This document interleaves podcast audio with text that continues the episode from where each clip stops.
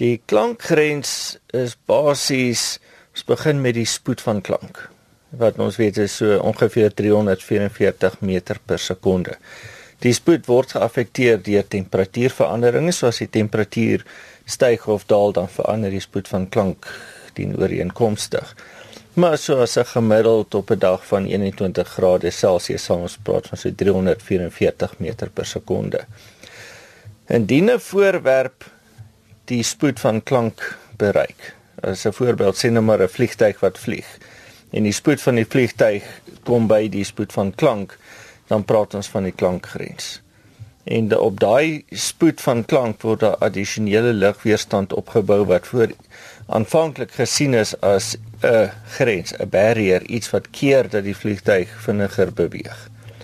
En vir 'n vliegtyg om dan deur die spoed van klank of daai klankgrens te breek, is daar heelwat ekstra energie nodig. Dink jy dat dit wel moontlik sal wees vir die algemene publiek om teen daai spoed vervoer te word? Wel, daar was kommersiële vliegtye wat vinniger as die spoed van klank beweeg het. So dit was reeds gedoen. Maar die laaste vliegtyg, kommersiële vliegtyg wat op daai spoed gewerk het, het in 2003 vir diens uitgetree. So dis dan nou 'n oomblik 'n vliegtyg wat nou bo die spoed van klank beweeg nie. Vertel my meer oor die klankgrens en hoe dit eintlik werk. Wel, as ek 'n basiese weergawe kan gee, 'n basiese verstaan oor hoe hierdie klankgrens werk, wil ek terugbeweeg na wat ons almal op skool geleer het van die Doppler effek.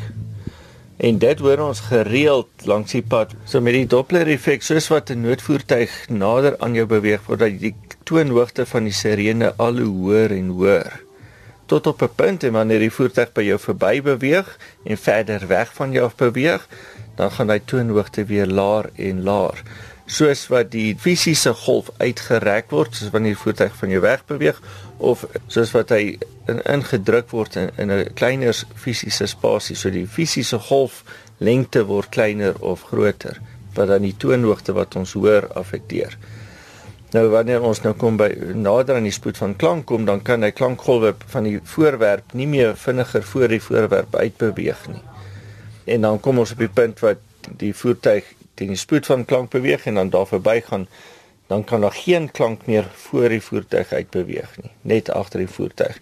En dan kry ons ook wat hulle noem die sonic boom daai ontploffingsklank wat 'n redelike harde slag is een van die eerste mensgemaakte objekte wat hulle van praat wat die klankgrens oorskry wat ons gebruik is die sweep so al ons boere verstaan van 'n sweep en daai harde slag wat die sweep maak Daai sweepslag is basies waar die punt van die sweep vinniger as die spoed van klank beweeg en maak dan daai harde klap geluid.